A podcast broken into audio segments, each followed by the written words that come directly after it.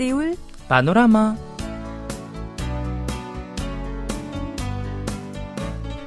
أيها الأصدقاء الأحباء السلام عليكم ورحمة الله وبركاته. أهلا وسهلا ومرحبا بكم معنا مستمعينا الكرام في حلقة جديدة من برنامجكم اليومي سيول بانوراما. كيف حالكم اليوم؟ نتمنى أن تكونوا في أتم الصحة والسعادة دوما. نعم. من المتوقع أن يقام مهرجان بوسان للأعلاب النارية في خلفية جسر كانغان الكبير ومصيف كانغاني البحري لأول مرة منذ ثلاث سنوات. وصرحت بلدية بوسان ولجنة تنظيم المهرجان أمس بأنهما ستنظمان هذا المهرجان ليلة الخامس من شهر نوفمبر القادم. يشار إلى أن المهرجان كان يقام سنويا حتى عام 2019 أي قبل تفشي جائحة كورونا ليستقطب أكثر من مليون مشاهد خاصة أنه مشهور بإيذار 25 بوصة من الأعلاب النارية. وسوف يقام مهرجان هذا العام بعنوان الحب حيث يتم تقديم مختلف أشكال الألعاب النارية بما في ذلك شلالات نياجارا على مدار حوالي ساعة واحدة. خاصة سيتم إطلاق ما بين 80 ألف و 100 ألف طلقة من الألعاب النارية من 11 بارجة أو مركبة مقطورة على جسر كانغان في البحر الواقع أمام المدينة لتلون البحر والليل بمختلف الألوان الزاهية. نعم أيضا من المتوقع أن يضم مهرجان هذا العام مختلف أنواع البرامج التي يعني تمتع زواره ترويحا عن المواطنين المرهقين من جائحة وتطلعا إلى النجاح في استضافة إكسبو بوسان العالمي لعام 2030 الجدير بالذكر أن المهرجان انطلق احتفالا بإقامة مؤتمر قمة منظمة التعاون الاقتصادي لآسيا والمحيط الهادي في عام 2005 نعم وظل يقام كل عام حتى عام 2019 ثم توقف في عام 2020 من أجل منع انتشار وباء كورونا. وبعد ذلك أقيم بشكل متفرق في موانئ الشمال والجنوب تاتيبو بالمدينة في العام الماضي. نتمنى أن يقام المهرجان بنجاح هذا العام حتى يسعد الكثير من الكوريين إن شاء الله وقبل أن نتعرف على المزيد من الأخبار الكورية الجديدة والخفيفة هيا نستمع إلى هذه الأغنية الكورية بعنوان World أو العالم والتي تغنيها الفرقة 17 Hey, 아까부터 널 봤어. 우린 처음이지만 모든 점을 느낄 수 있어. 더 해보고 싶어. 웃지만 말고 말야. 가본 적이 없는 곳에 널 데려가줄게. Come with me, put it on, put it on me. You got this, put it on, put it on me. 결국 내 손을 잡을 거야. Cause I know that you've been dreaming. 아침처럼 그게. 지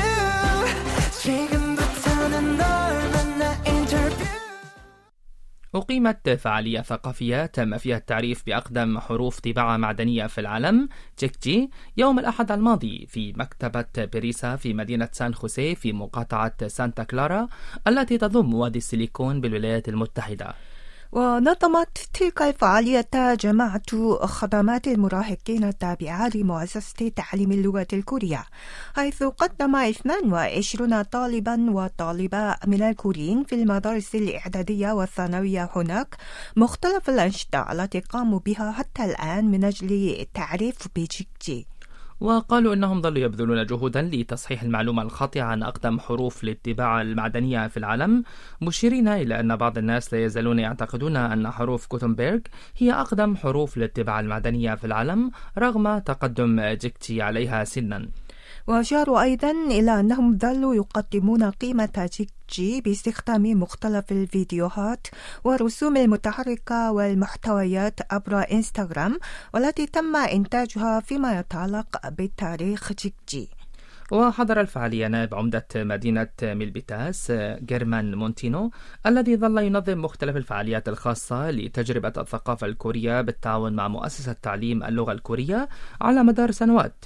ورئيس مكتب سان فرانسيسكو الفرعي التابع لمؤسسة السلام والازدهار في شبه الجزيرة الكورية تونغ سينتو الجدير بالذكر أن كتاب جيكجي تمت طباعته في معبد هنغدوك في مدينة تشونجو الكورية في عام 1377 وتم تسجيله ضمن ذاكرة العالم في شهر سبتمبر من عام 2001 وقالت رئيسة المؤسسة الكورية كو إنهي التي كانت يعني مدينة تشونجو قد اختارتها كسفيرة للترويج لجيكجي في عام 2006 إن ولاية كاليفورنيا خصصت يوم جيكتي هذا العام ولهذا فإن الفعالية تكتسب مغزى خاص داعية إلى بذل جهود مستمرة للتعريف بقيمة الحروف الكورية لمن لا يعرفها.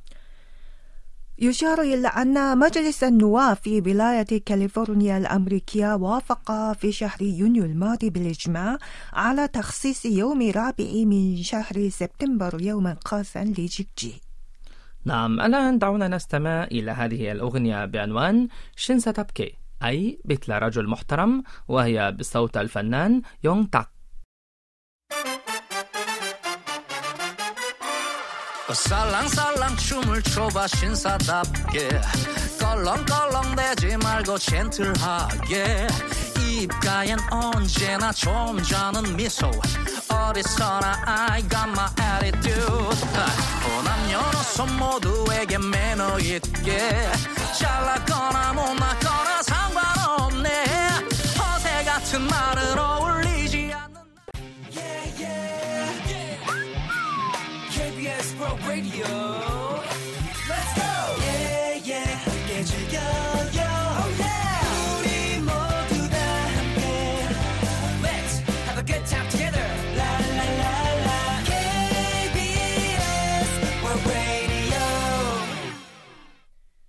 سيصادف يوم الثاني والعشرين من هذا الشهر يوم الطاقة في كوريا. وبهذه المناسبة الخاصة تتسابق مختلف الجماعات المدنية والحكومات المحلية والمؤسسات العامة في تنظيم مختلف الفعاليات الرامية إلى التشجيع على توفير الطاقة. في الآونة الأخيرة سقطت كمية كبيرة وقياسية من الأمطار الغزيرة على كوريا نتيجة لتداعيات تغير المناخ عالميا مما أدى إلى تزايد الوعي بضرورة منع الاحتباس الحراري من خلال الحفاظ على الطاقة. وتعتقد هذه المؤسسات أن مشاركة جيل الشباب الذين يمثلون قادة المستقبل تكتسب أهمية كبيرة. ولذا تطرح مختلف أنواع الفعالية الخاصة بهم مثل تقاسم صور الإثبات عبر مواقع التواصل الاجتماعي إلى جانب إقفال المكيفات والمسابح الكهربائية وغيرها. ويذكر أن يوم الطاقة الذي سيصادف الثاني والعشرين من أغسطس كل عام انطلق من أجل التذكير بحدوث مختلف المشاكل مثل الاحتباس الحراري بسبب الإفراط في استخدام الطاقة وتشجيع جميع المواطنين على المشاركة في توفير الطاقة. وفي مثل هذا اليوم من عام 2003 سجلت كوريا استهلاك 45 مليون و980 ألف كيلووات من الكهرباء لتسجل الأعلى في تاريخها. وبدأ اتحاد التضامن المدنيين للطاقة وغيره تدعو إلى التذكير بهذا اليوم لتوفير الطاقة. يشار إلى أن الاتحاد مكون من 220 جماعة مدنية ذات صلة بالبيئة والمستهلكين ليمثل أكبر منظمة غير حكومية في البلاد. وهذا العام أيضا سيقيم فعالية وطنية كبيرة يوم الثلاثاء القادم احتفالا بيوم الطاقة التاسع عشر وسيبثها بثا حيا عبر يوتيوب. وسوف تنقسم الفعالية التي تعقد تحت رعاية بلدية سيول ووزارة البيئة ووزارة الصناعة والتجارة والطاقة إلى برنامجين رئيسيين تحت شعار إطفاء الأنوار وإضاءة النجوم. تدعو هذه الفعالية إلى رفع درجات الحرارة المحددة للمكيفات بدرجتين مئويتين بدءا من الساعة الثانية بعد ظهر ذلك اليوم وعلى مدار ساعتين.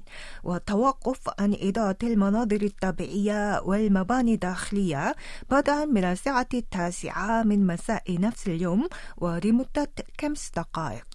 علاوة على ذلك ستقدم مختلف سبل توفير الطاقة. بما في ذلك قطع مسافة قريبة مشيا على الأقدام أو ركوب وسائل المواصلات العامة وفصل المقابس غير المستخدمة من مصادر الطاقة. وقد قررت الحكومات المحلية والمؤسسات العامة أن تشارك بشكل فعال في برامج توفير الطاقة بما في ذلك إطفاء الأنوار بشكل تطوعي. وعلى سبيل المثال ستقوم مؤسسة بوسان للمرافق بوقف إضاءة المناظر الطبيعية في جسر كانوان وبرج بوسان في حديقة شبال يونغدو بدءا من الساعة التاسعة من مساء نفس اليوم ولمدة خمس دقائق. كما ستقيم بلدية كوانغميونغ بمقاطعة كيونغي حفل تذكاري تشمل جلسة للاستماع إلى حالات التعامل مع أزمة المناخ وتوزع مختلف الجوائز في مسابقة لطرق التعامل مع تغير المناخ في الحياة اليومية. إضافة إلى ذلك سيتم تنظيم مختلف الفعاليات ذات الصلة عبر الإنترنت. فمثلا ستقيم مؤسسة البيئة الكورية فعالية خاصة للبحث عن الصور المختلفة ذات الصلة بتوفير الطاقة حتى السابع عشر من هذا الشهر. وفي يوم الثلاثاء القادم ستوزع بعض الجوائز الرمزية على جميع المشاركين في الفعالية. أما مركز جيجو لدعم الشراء الأخضر فسوف يوزع مختلف الجوائز لمن يقومون بالعثور على منتجات ذات علامات بيئية ومعتمدة منخفضة الكربون في المتاجر أو في المنازل وتحميل الصور على الإنستغرام حتى 27 من هذا الشهر. والآن أيها الأحبة هيا نستريح قليلا بالاستماع إلى هذه الأغنية الكورية بعنوان Love Story أو قصة الحب والتي تغنيها الفرقة بولبالغان ساتشونجي.